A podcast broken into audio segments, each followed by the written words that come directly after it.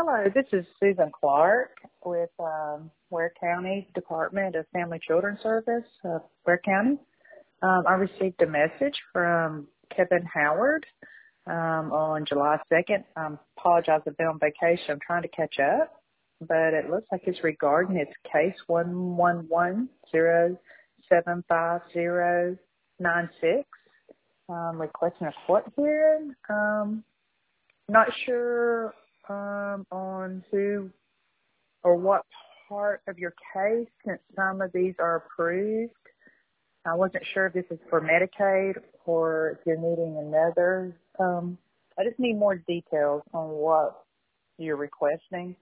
Um, but right now, I see the children appear to be approved for peach care. So if I'm, you could give me a call back and give me a little bit idea of um, what you um, need to um, to um, what you're looking for. Um, I'm sorry, I'm trying to look through the case now and uh, see if I can figure out. But it does look like um, pregnancy Medicaid was approved. So just kind of let me know a little of what you're seeking, and um, I'll do what I can to aid your request. Thank you so much.